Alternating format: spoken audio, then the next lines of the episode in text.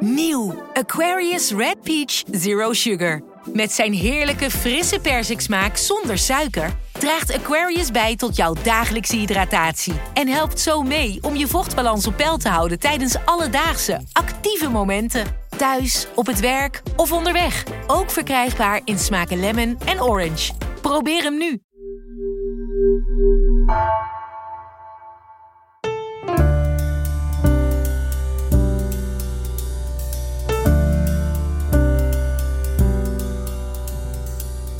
Welkom bij Tussen de Regels, een podcast van NRC over boeken en schrijvers.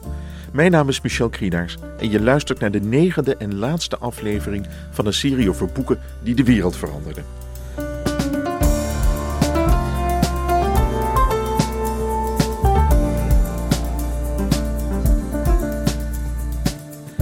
De afgelopen weken hielden we ons bezig met wereldschokkende boeken en schrijvers van het verleden. We lazen boeken die ons nieuwe inzichten gaven over onszelf of over de wereld. Boeken die maatschappelijke bewegingen inspireerden of machtige individuen aanzetten tot actie.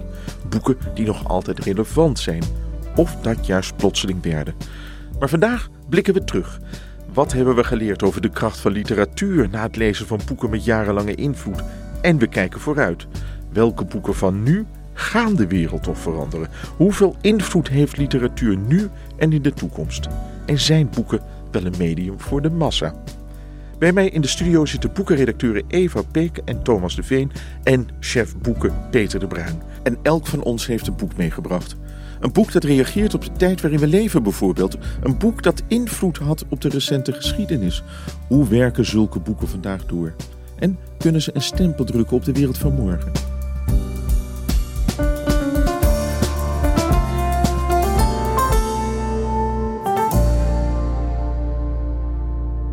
Thomas, Eva, als jullie zo terugkijken, wat hebben we nu precies geleerd van deze serie?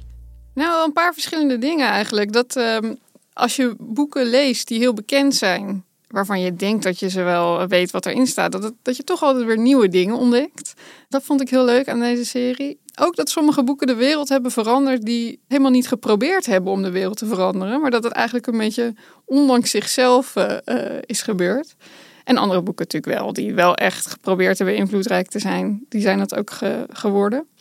Maar vooral valt het me denk ik op, dat kwam bijna elke keer wel weer terug, dat de boeken waarvan wij denken dat ze de wereld hebben veranderd, dat dat ook de boeken zijn die eigenlijk niemand nog echt leest.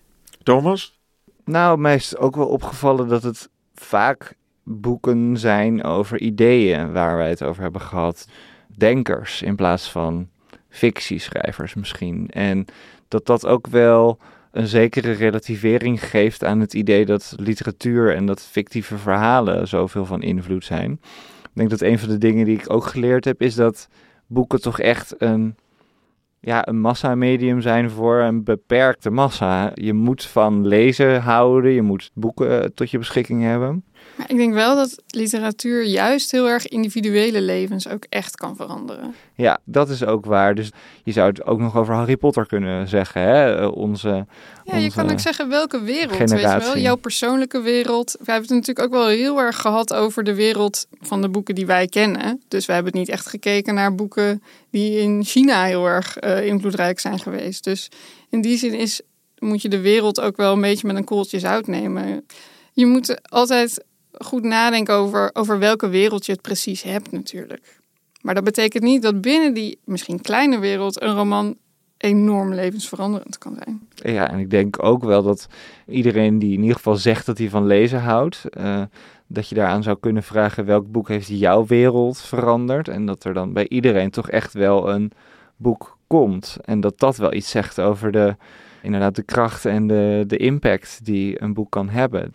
Al is het maar op een, op een heel persoonlijk niveau. We gaan het later nog uitgebreid hebben over de impact van boeken. Maar eerst ben ik benieuwd welke boeken jullie vandaag hebben meegenomen. Peter, om met jou te beginnen. Wat is jouw keuze? Eh, ja, nou, ik heb een boek eh, meegenomen wat eigenlijk, denk ik al, de wereld een klein beetje heeft veranderd. Eh, dat is het boek van Ta-Nehisi Coates, Between the World and Me. Dat was in 2015 een enorme bestseller. 100 weken in de bestsellerlijst van de New York Times gestaan. Een autobiografisch boek over zwart zijn in Amerika, opgroeien in hele moeilijke omstandigheden met racisme. in die samenleving. En dat is eigenlijk heel onverwacht toen een enorme bestseller geworden. En hij heeft een grote rol gespeeld in het racisme-debat wat we de afgelopen jaren gevoerd hebben. En het is denk ik ook wel een boek dat blijft, want ik heb het nu herlezen. Het staat nog steeds recht overeind. Het is gewoon een heel prachtige autobiografische teksten over uit een kansarm gezin komen. En desondanks je proberen te ontwikkelen, proberen een verhouding te krijgen tot die wereld. Het is geschreven als een brief aan zijn zoon. Op dat moment een tiener is. En hij legt eigenlijk aan zijn zoon uit eh, wat het is om zwart te zijn in de Verenigde Staten. Kun je nog even heel kort vertellen wie Tana Coach is? Nou, hij is een journalist uh, van de Atlantic, een tijdschrift in Amerika. En um, schreef daar veel over racisme en aanverwante kwesties.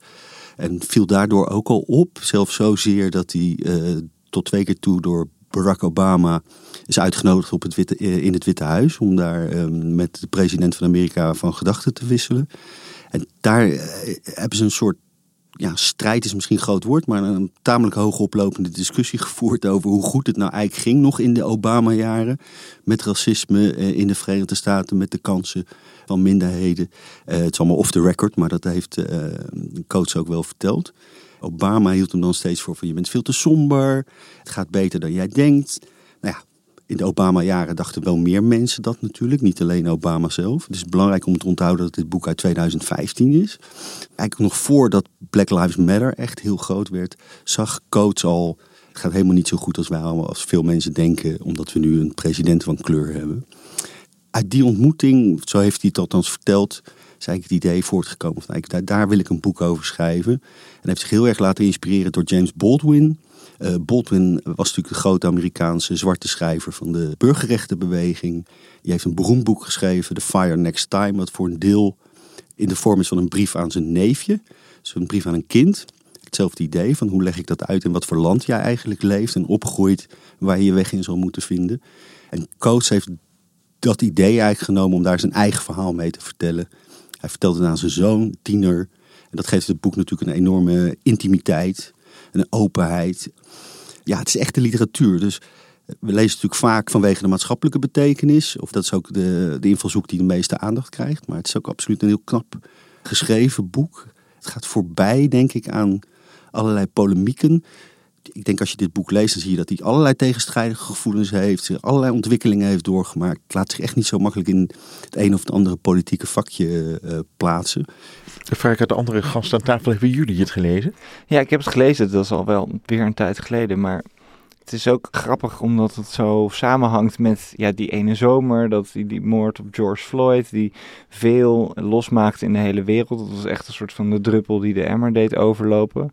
Toen werkte ik ook op de boekenredactie en toen werd zo gevraagd van wat zijn nu de boeken die je over dit thema moet lezen. En dit was het. Ja. Dus ik, ja, ik ben ook benieuwd hoe jij ziet dat het, dat het um, wat dat heeft toegevoegd aan het debat. Nou ja, het is natuurlijk vele jaren eerder. Dus dat is het opmerkelijke. En um, ik denk dat het, uh, omdat hij zo'n persoonlijk en intiem schrijft, denk ik dat het met name voor een wit publiek, dat hij het iets makkelijker maakt, ietsje invoelbaar maakt van hoe het is om op te groeien met racisme. Hoe het is om een kind op te voeden, terwijl je weet dat dat kind zijn weg moet zien te vinden in een uh, racistische wereld. Ik denk dat de, de, de empathische blik, uh, dat dat de kracht is van dit, van dit boek. Terwijl hij tegelijkertijd ook niet sentimenteel is. Hè? Want hij is, het is heel, heel kritisch over Amerika. En zijn grote held is Malcolm X. En zijn grote held is niet Martin Luther King. Dus het is, het is niet alleen... Een gewelddadige versie, zeg maar. Nou ja, de, de radicale en ja. confronterende versie. Ja. Dus het is aan de ene kant heeft het een heel duidelijk radicale en confronterende. Hè? Van kijk eens naar, uh, houdt de maatschappij een spiegel voor. Dat is een lelijk beeld. Tegelijkertijd is het ook een empathisch boek en een intiem boek. Omdat hij dus die toon aanslaat van een gesprek met zijn zoon. Zie je ook dat het boek navolging heeft gehad? In uh, andere denkers? Of, uh... ja, nou ja, ik denk als je naar onze tijd kijkt. De, voorheen had je vaak het idee van nou je bent of met je privéleven bezig, met jezelf, met je eigen wel en wee. Of je kijkt naar de maatschappij en je bent geëngageerd en je gaat je inzetten voor, de, voor problemen in de buitenwereld.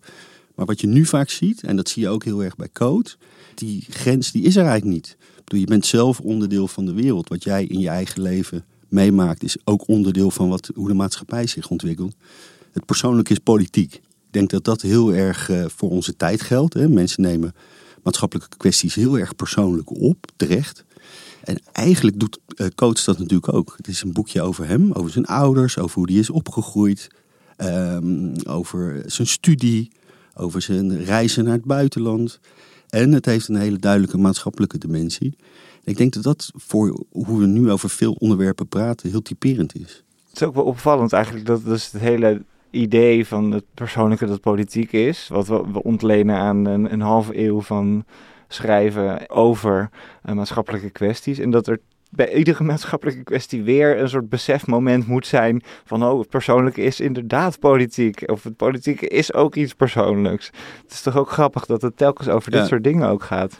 Het blijft ook toch omstreden, hè? Van uh, zijn mensen niet te veel met zichzelf bezig? Ja. Maar ja, als je dat op een goede manier doet, op een intelligente manier doet, maak je het juist urgenter door te laten zien hoe allerlei maatschappelijke ontwikkelingen ingrijpen in je persoonlijk leven. En hoe je ook zelf bent gevormd door de maatschappij waarin je leeft. Ik, ik hoor ook wel veel kritiek uit uh, bepaalde activistische hoek. Van dat het zo typisch is als witte lezers, zeg maar zwarte schrijvers lezen en dan uh, literatuur lezen en dan zeggen, oh daar heb ik zoveel van geleerd. Alsof zeg maar de taak van zwarte schrijvers is om witte mensen te leren hoe het is om zwart te zijn. Terwijl we dan witte schrijvers veel meer lezen als, oh maar dat is gewoon universele literatuur of zo. Die gaat over de menselijke conditie. En niet specifiek, zoals nee, uh, van een minderheid. Precies, en ik vroeg me af, wat, ik heb het boek niet gelezen, maar is jouw indruk dat Ta-Nehisi Coates dit heeft geschreven voor een wit publiek om uit te leggen hoe het is om zwart te zijn? Of is dat meer de invloed die jij denkt die het nou helemaal heeft gehad? Um, nou, hij heeft daar iets over gezegd. Hij zegt van niet. Hè? Hij zegt van daar heb ik het niet voor geschreven. Um, hij geeft echt veel van zichzelf bloot. Dus hij heeft het denk ik om, vooral geschreven ook om redenen die dieper liggen bij hemzelf. Maar ja, het is natuurlijk ook niet uh, slecht of uh, per se verkeerd om empathisch te proberen te lezen. En je moet natuurlijk ook dan relativeren, want dit is natuurlijk ook maar weer één stem. Je moet niet gaan denken van dat is de stem uh, als het gaat om racisme.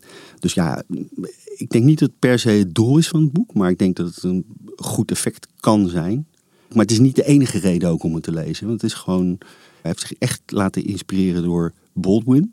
En die lyrische manier van schrijven van Baldwin, daar heeft hij veel van geleerd. En daar is hij echt op verder gegaan. En dat maakt het denk ik zo'n interessant boek.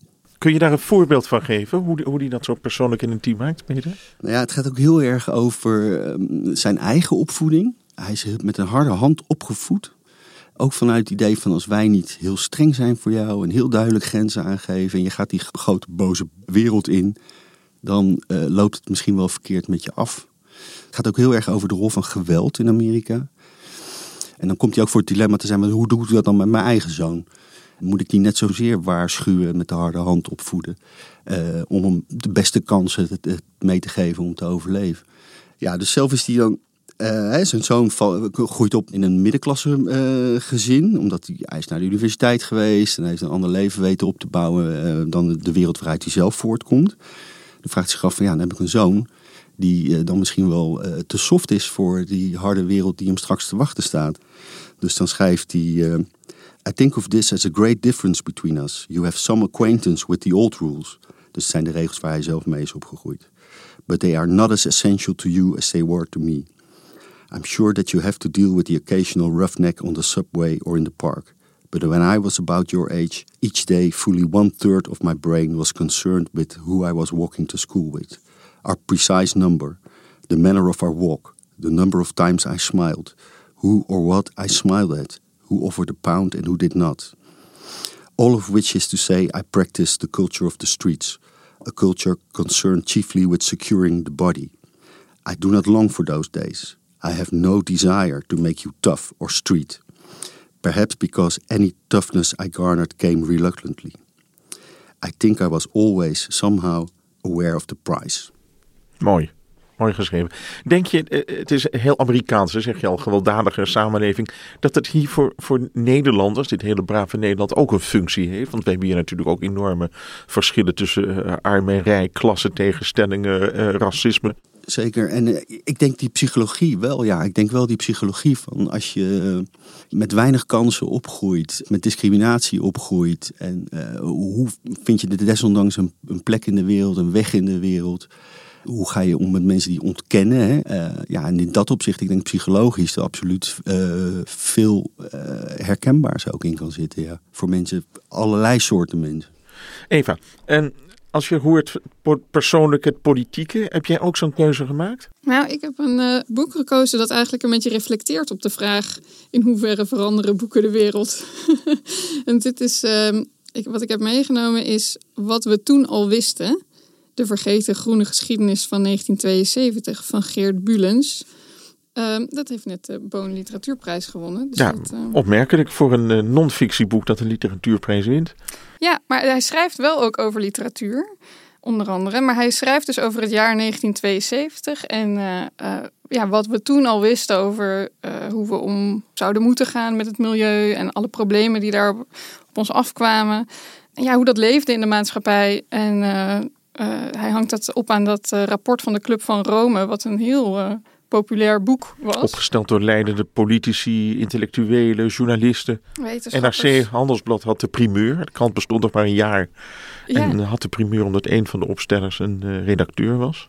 Oh, ik weet niet of het daarom was, maar in ieder geval had NRC Handelsblad inderdaad de primeur. Maar dat boek, uh, Grenzen aan de Groei, werd een enorm succes in, uh, in het Nederlandstalige gebied. Een kwart miljoen boeken van verkocht. Wereldwijd 12 miljoen exemplaren. echt wel, nou ja, een invloedrijk boek, zou je kunnen zeggen. En aan de andere kant um, gaat het er ook over ja, hoe weinig invloed het heeft gehad. 50 jaar verder, inderdaad. Wat is er gebeurd? Het is alleen maar erger geworden. Precies. Waar gaat dat grenzen aan de groei precies over? Um, het gaat erover dat als we nu niet het roer drastisch omgooien met de manier waarop we voedsel produceren, uh, wat we uitstoten, met, ja, eigenlijk gewoon hoe we leven, dat er dan enorme um, uh, rampen op ons af kunnen komen. Ecologische rampen, klimaatrampen, uh, dat er niet genoeg voedsel zal zijn. Allerlei verschillende soorten scenario's eigenlijk. Dat we dus tegen de grenzen van de economische groei aan zullen lopen met, met vreselijke gevolgen. Allemaal. Hadden ze ook nog een voorspelling wanneer dat zou gebeuren? Want nu begint het eigenlijk een beetje op gang te komen. Hè? Ja, ik moet zeggen, ik weet niet precies de voorspellingen. Kan ik niet heel goed uit mijn hoofd zeggen. Maar ik weet wel dat het in de 21ste eeuw zal gebeuren. En er wordt wel gezegd, ja, die voorspellingen die waren te pessimistisch. En het was te veel doemdenken of zo. Maar ja, uh, ze hadden ook wel niet ideale computersystemen, uh, misschien niet ideale data. En uh, Geert Bulens die zegt eigenlijk, uh, het gaat niet per se om die specifieke voorspellingen, maar meer om het inzicht dat zij hadden dat we met een enorm complex probleem zitten en eigenlijk ook hoe heel veel verschillende problemen samenwerken met elkaar. Dus heel veel dingen zijn wel bekend, van plastic of pesticiden of uh, uitstoot. Maar een vervuiling natuurlijk ook heel erg. Maar dat het eigenlijk uh, het grote toevoeging van dat rapport was, dat, dat laat zien hoe al die problemen met elkaar samenhangen. En dat het dus ook helemaal niet zo simpel is. Je kan wel uh, een kerncentrale bouwen om energie op te wekken, maar dan los je het plastic probleem nog niet op. En, en maar die samenhang van die problemen, dat vindt hij Geert Bulens dus. Dat was dus al heel erg duidelijk in 1972. Wie is Geert Bulens? Geert Bulens is hoogleraar moderne Nederlandse letterkunde aan de Universiteit Utrecht. Analyseert hij uh, dat rapport van de Club van Rome of heeft hij zijn hele eigen literaire visie op de problematiek? Nou, wat hij doet is eigenlijk uh, inzoomen op dat jaar en nou ook uh, heel breed kijken in de cultuur van hoe breed gedragen dus dat gevoel van urgentie voor uh, het, het, omgooien van de manier waarop we leven uh, ja, leefde eigenlijk. Dus in, in kunst, in romans, in documentaires, in strips. Hij heeft het over Suske en Wiske ook. En wat ik daar heel interessant aan vind in het kader van deze podcast is nou ja, hij, hij laat zien dat boeken een grote invloed hebben natuurlijk op hoe mensen denken. Um, maar ook maar tot op zekere hoogte. Zeg maar. Uiteindelijk zijn het niet uh, boeken die de wereld veranderen, maar um, bijvoorbeeld lobbyisten of activisten of politici. Uh, mensen veranderen de wereld. En het is aan ons om te, te kijken wat we doen met die boeken die we lezen. En dat vind ik een interessant uh, iets om over na te denken in het kader van onze uh, podcastserie. En ook de vraag of een boek invloedrijk wordt, uh, ja, dat ligt er echt maar net aan wat wij daar dus mee doen. En het is ook niet, wat ik ook nog wel interessant vind, is dat wij als boekenredactie natuurlijk niet een soort van passieve toeschouwers zijn als wij kijken naar welke boeken de wereld veranderen. Weet je wel, als een boek uh, helemaal geen aandacht krijgt in de cultuur, dan is er ook weinig kans dat veel mensen het lezen, dat politici het misschien lezen. Dus het is ook nog eens ehm, ook een beetje aan ons en alle lezers natuurlijk uh, überhaupt om te bepalen welke boeken de wereld zullen veranderen. En dat rapport van de Club van Rome heeft uh, de wereld tot op zekere hoogte veranderd. Maar tot op zekere hoogte ook zeker niet. Is dit boek van Bulens dan een wake-up call? Of is het, kun je ook zeggen, met die Boon Literatuurprijs... dat het bijna een soort politieke keuze is... om de wereld nog eens even aan de hand van dit boek wakker te schudden? Nee, het is geen wake-up call, want er zijn al heel veel boeken over het klimaat verschenen. Hij laat juist zien van die kennis, die, die is er. We zitten niet per se, denk ik, te wachten uh, tot er eindelijk echt een goed boek over het klimaat wordt geschreven. Die boeken die zijn ook geschreven en die worden geschreven, ook romans, non-fictieboeken, maar ook romans. Het is nu de, aan ons om daar iets mee te doen. En wat ik ook nog wel interessant vind, is dat hij het bijvoorbeeld ook heeft over romans die juist twijfel zaaien over het belang van klimaatactivisme. Bijvoorbeeld een boek dat hij noemt is uh, The State of Fear.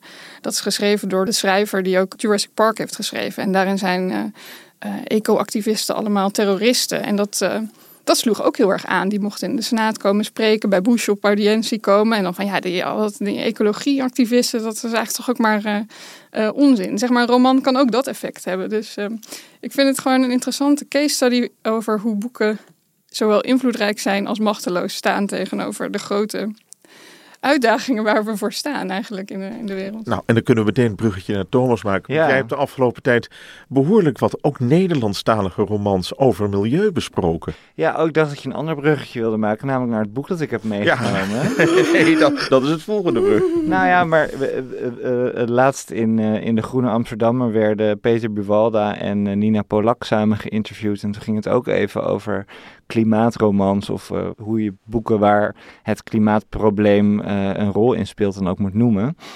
En toen zeiden zij iets van, uh, ja, god, ja, daar dan heb je weer zo'n klimaatroman voorspelbaar, want iedereen weet al hoe het gaat aflopen, namelijk dat we, dat we verdrinken.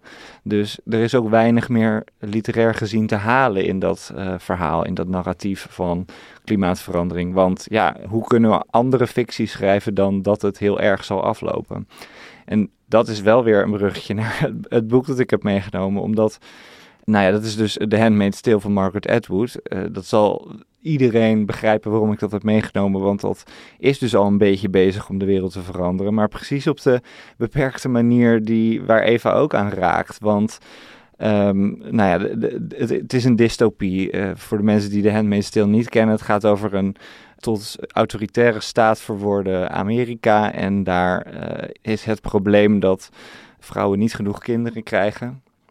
Dus de vrouwen die er zijn, worden gebruikt als een soort levende baarmoeders. En die uh, verliezen eigenlijk al hun uh, handelingsperspectief, omdat zij ter wereld zijn om, om te baren. En dat was in de tijd dat Margaret Atwood het schreef. Dat, dat was langer geleden, hè? 1985. En een paar jaar geleden is het weer opnieuw ontdekt, in feite. En Door de televisieserie van Netflix. Ja, het gelijktijdige met de televisieserie die er van werd gemaakt. Het is natuurlijk ook niet zo dat die televisieserie uit de lucht kwam vallen. Dus het, het bleef wel een, een, een, een klassieker die uh, dystopische kwaliteiten had.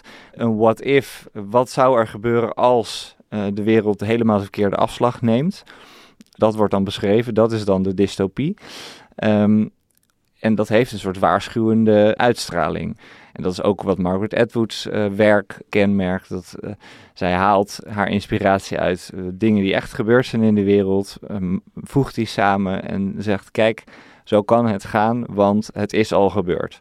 En dat is het interessante aan wat er dus nu de afgelopen jaren weer met The Handmaid's Tale is gebeurd. Dat het juist door eh, die serie die een soort mainstream karakter kreeg, waardoor iedereen wist, oh, de Handmaid's Tale, het gaat over vrouwenonderdrukking.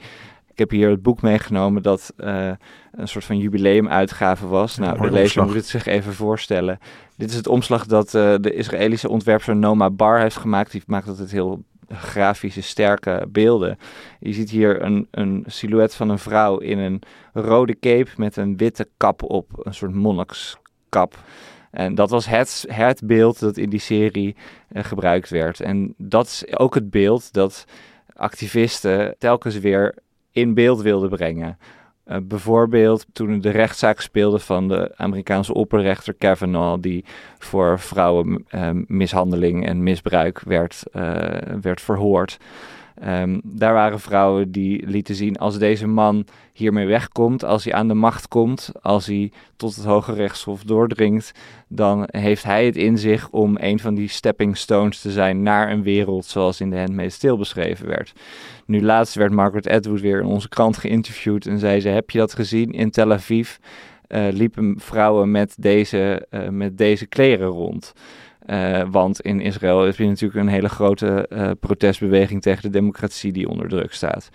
Nou ja, dus je zou kunnen zeggen, uh, lang verhaal kort, dit boek verandert de wereld. Want deze vrouwen gebruiken de fictie, de dystopische fictie, om aan te tonen: kijk, hier zijn wij en we maken ons zorgen. En dat is inderdaad op, tot op de zekere hoogte die Eva ook beschrijft, namelijk mensen moeten er iets mee doen. Uh, en in de wereld er iets van laten zien voordat er iets kan veranderen. En dan heb je natuurlijk ook de interessante kwestie: uh, ligt het nou in dit boek? Of moet je zeggen een serie die de wereld heeft veranderd? Dan kun je een kip of ei kwestie van maken. Zonder boek was de serie er niet.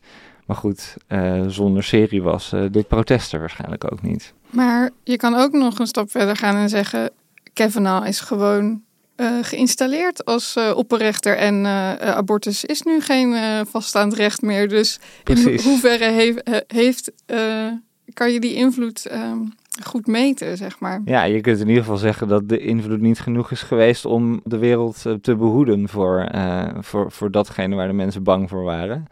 Aan de andere kant misschien ook weer wel. Je weet niet hoe de wereld eraan toe zou geweest zijn zonder deze protesten, die echt wereldwijd waren natuurlijk. En die ook van The Handmaid's Tale weer een boek hebben gemaakt, mede dankzij die serie natuurlijk, dat abortuswetgeving die wordt teruggedraaid in feite aan de kaak stelt. En het terugdraaien van abortuswetgeving is natuurlijk wel een kwestie die dankzij deze fictieve beeldenis een, een uitstraling heeft gekregen, een herkenbaar beeld heeft.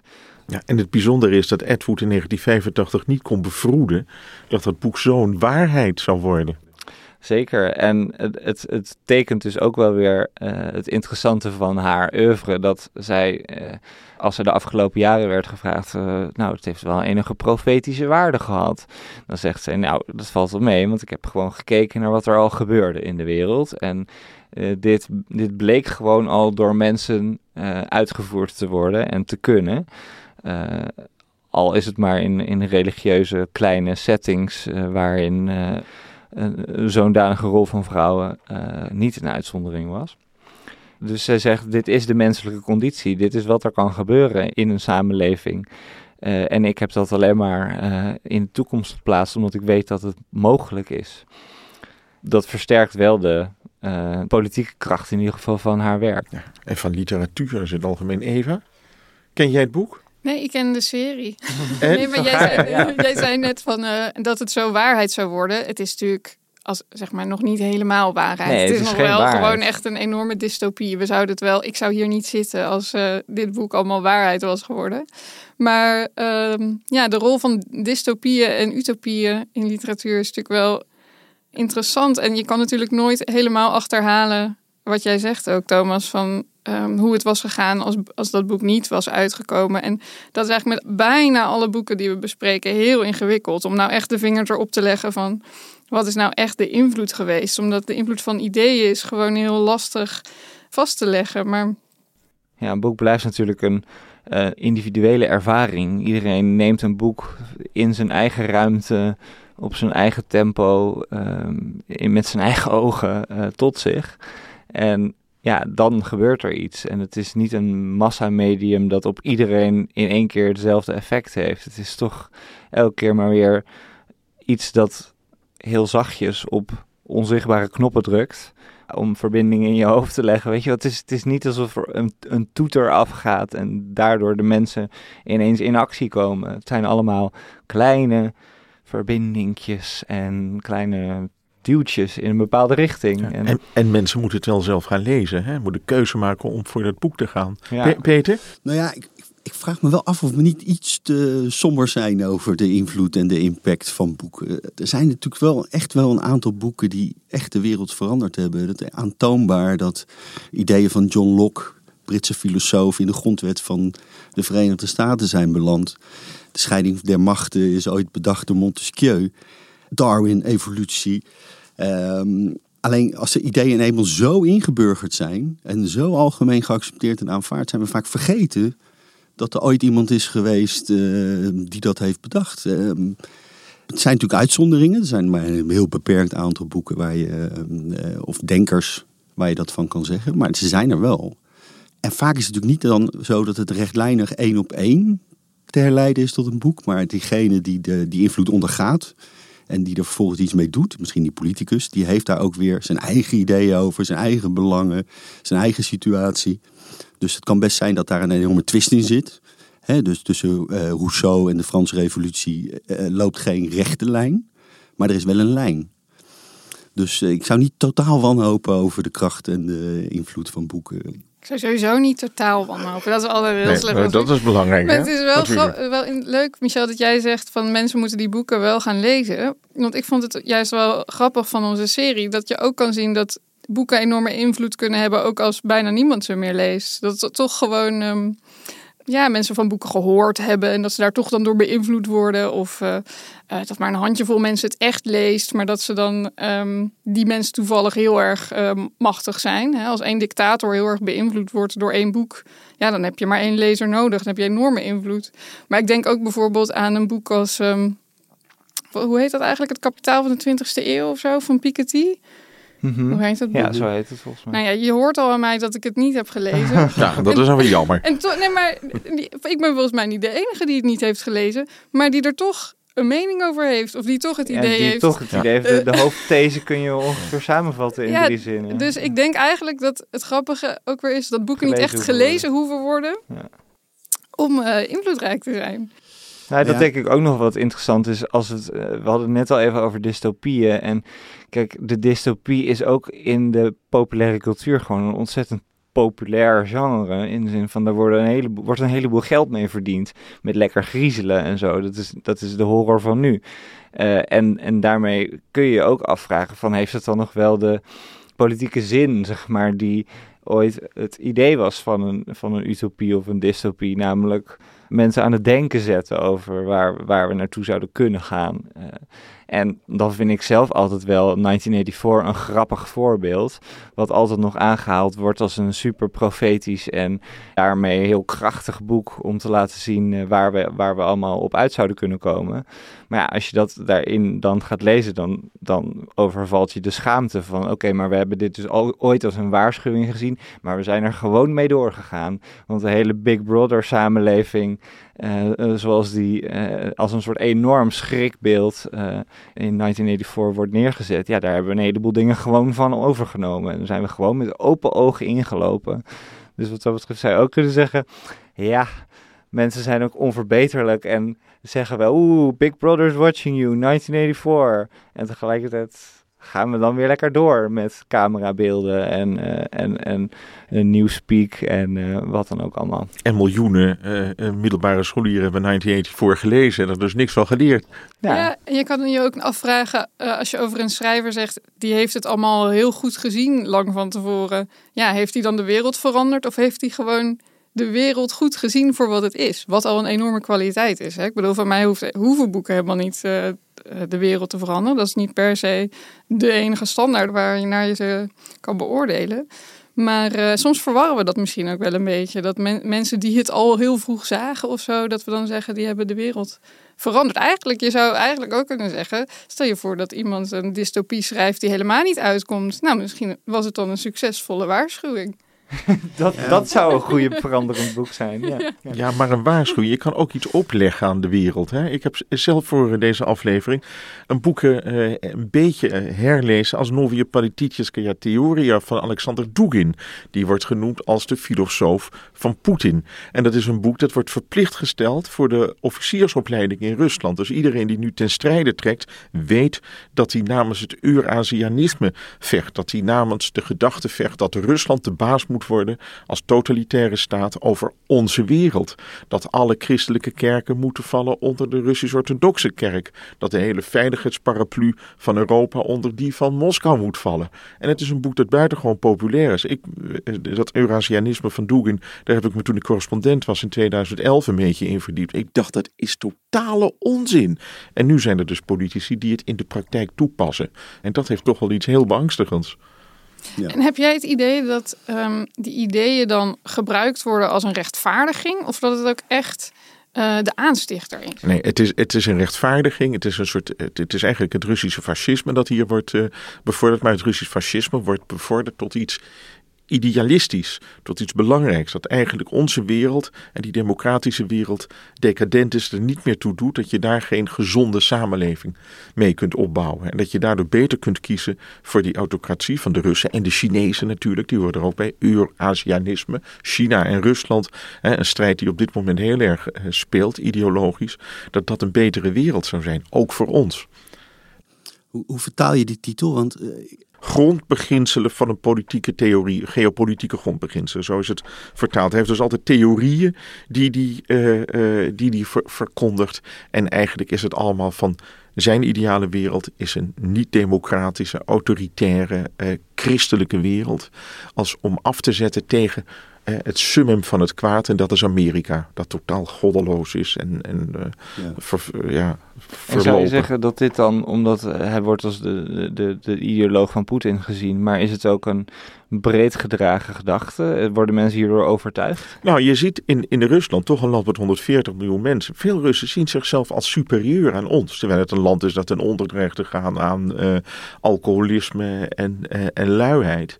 Maar tegelijkertijd hebben ze de zin om zich af te zetten tegen het Westen. En ik weet niet of de Chinezen dat ook hebben op die manier alleen, maar wel aan de top. Xi heeft het natuurlijk wel. Die wil ook, ze willen natuurlijk in eerste plaats dat het systeem aan de macht blijft. He, dat deze leiders aan de macht blijven. Poetin wil aan de macht blijven. Ik denk dat die Dugin helemaal niet zo'n grote rol speelt. Maar zoals even al opperde, het wordt aangevoerd om het huidige beleid te verdedigen. En als je met zo'n beleid een oorlog kunt gaan voeren, nou, dan heeft een boek toch nog wel wat invloed gehad. Want je ziet er ook dat alle wappies hier, hè, Baudet laat zich ook leiden door dit soort, uh, door dit soort boeken, dit, dit soort denkers. Wordt dat dan ook veel gelezen, dat boek? Uh, nou, nou, het wordt hier, ik denk dat, uh, dat hier, het, is vertaald in alle talen. Het, is in Amerika wordt het bestudeerd. Er zijn allerlei politicologen die gaan er tegen in, die leveren de kritiek op. Het, is een, boek dat in de academische kringen voor uh, nogal wat ophef zorgt vanwege de discussie. Hebben jullie eigenlijk het idee dat wij, omdat wij zoveel met boeken bezig zijn voor ons werk, ook geneigd zijn om steeds te denken dat het boeken zijn die de wereld hebben veranderd? In plaats van televisieseries of films. Of dat wij een beetje met ook een gekleurde bril daar naar kijken. Dat is ongetwijfeld juist. maar ik denk toch dat het niet, dat ook niet helemaal onterecht is. Dus ik denk dat boeken absoluut een grote rol spelen en hebben gespeeld. Ja, in de toekomst, uh, hoe dat verder gaat, durf ik niet te zeggen. Ja, wat denk je in de toekomst? Met de kunstmatige intelligentie en uh, allerlei andere manieren waarop over problemen wordt nagedacht. En gaat het boek misschien of problemen worden geprobeerd problemen op te lossen, gaat het boek misschien een minder grote rol spelen. Maar eh, ik denk dat het echt zo is dat uh, sommige boeken, de meeste natuurlijk niet, enorme impact kunnen hebben op uh, de loop van de geschiedenis. En uh, trouwens ook 1984 van Orwell. Orwell had natuurlijk toch een heel concreet doel voor ogen ook, namelijk het bestrijden van het Stalinisme. He, hij had het niet over een vage toekomst in het algemeen, maar het is een soort vertaling van wat hij dacht dat uh, Stalins Sovjet-Unie was. En waar enorm werd, mee werd gesympathiseerd door westerse intellectuelen. Voor een deel van de westerse intellectuelen. Het was, het was nadan om kritiek te hebben op het communisme. Uh, zeker toen het uh, Derde Rijk nog bestond. Daar heeft hij voor willen waarschuwen. Van kijk uit wat voor soort samenleving dit is. Door zijn fantasie te laten werken. En dat heeft wel degelijk veel invloed gehad. Ja, dat is waar. Ja. Um, ja, het, ook het, op dissidenten, uh, Animal Farm. Uh, dus dat, dat kan nog decennia zo doorgaan. Het zal nu misschien weer op, zijn invloed hebben op dissidenten in, in China of in Hongkong. Moet ook denken aan uh, Grand Hotel Europa van Ira Leonard Pfeiffer. Sindsdien, sinds dat zo'n groot succes is geworden, is het gesprek over massatoerisme in ieder geval tot een heel groot deel van de samenleving doorgedrongen. En als mensen over dat boek beginnen, dan zeggen ze toch ook van, ja, het is wel erg, dat massatoerisme. Betekent niet per se dat ze meteen een andere keuze maken door een andere vakantiebestemming eh, te kiezen. Maar de vermainstreaming van bepaalde ideeën, daar, daar eh, spelen boeken wel een grote rol in. Dus ook fictie. Zijn jullie optimistisch of pessimistisch over de toekomst van boeken? Ik ben er optimistisch over, omdat ik vind dat boeken dat ongemerkte effect kunnen hebben. En dan, dat is eigenlijk ook een heel erg relativerende opmerking, maar dat is ook een beetje omdat ik denk, boeken die de wereld willen veranderen, zijn ook weer niet altijd de leukste boeken om te lezen. En ik ben optimistisch omdat ik denk dat kunst iets kan veranderen en dat boeken daar een onderdeel van zijn. En ik denk eerlijk gezegd dat een boek in de vorm die we kennen uh, gewoon zal blijven bestaan. En de, dezelfde impact zal hebben. Ja, ik denk ook dat boeken nog heel lang blijven bestaan. Alleen al omdat het einde van het boek al zo vaak is afgekondigd. Dat ja. ik denk, nou, dat, die, die gaat nog wel even mee. Hoe zie jij de toekomst van boeken eigenlijk, Michel? ik, zie, ik zie de toekomst van het boek nog altijd heel erg positief. Want ik denk dat er altijd een behoorlijke groep uh, mensen zal blijven lezen. En ik denk dat het helemaal niet erg is als mensen eerst beginnen met een soort pulpliteratuur. En op een gegeven moment krijg je daar genoeg van. En ga je naar uh, steeds leukere dingen. Ik ben ook begonnen met de Partridge Family op televisie. Een sitcom die bij Geert Budens voorkomt. En ik ben toch ook op een gegeven moment bij Bergman beland. En bij Tarantino. dus, dat is waar ik ben van alle markten thuis. nou ja, het is natuurlijk ook wel zo, en dat, dat sluit ook wel aan bij, uh, bij de vraag van jou net. Um, boeken zijn natuurlijk altijd een, een massamedium voor een heel beperkte massa geweest. Het is voor iedereen toegankelijk, maar je moet er geld voor betalen. Je moet de concentratie en de tijd hebben om... Uh, uh, alleen tijd al, de, factor tijd. Uh, heb je genoeg vrije tijd in je leven om een boek te, boek te lezen? Nou, dat zijn ook heel veel mensen niet. Dus het is altijd, ja, ik denk dat we allemaal een klein beetje opgegroeid zijn in het idee dat, dat, dat boeken voor iedereen toegankelijk zijn. Maar je moet ook maar zien dat een bestseller in Nederland nooit ongeveer meer dan een miljoen boeken verkoopt. En dan heb je dus nog 16 miljoen mensen over. Ja. ja uh, maar daarom dan... is het natuurlijk belangrijk om openbare bibliotheken te steunen. Zo is dat. Te blijven steunen. nou, dat is een hele mooie afsluiter. Uh, Peter moet naar het zogenaamde parelberaad in de krant... waarin hij aan de hoofdredactie en de andere chefs moet duidelijk maken... welke parels er aanstaande vrijdag in de boekenbijlage gaan. Dus Peter is ontheven van zijn uh, plicht. En wij gaan gewoon afsluiten. Dank jullie wel voor jullie komst naar deze studio.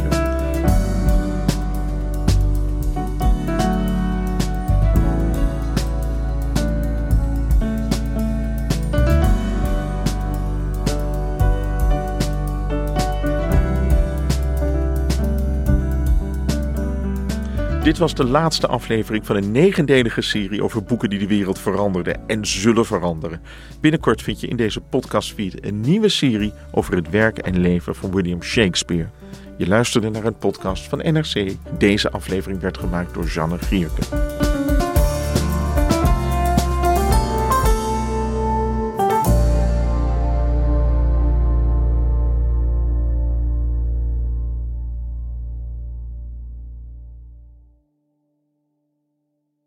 Leuk dat je naar een podcast van NRC luistert. We willen graag weten wat je van onze audio vindt. Je helpt ons enorm door via nrc.nl slash podcastonderzoek een vragenlijst in te vullen. Dankjewel.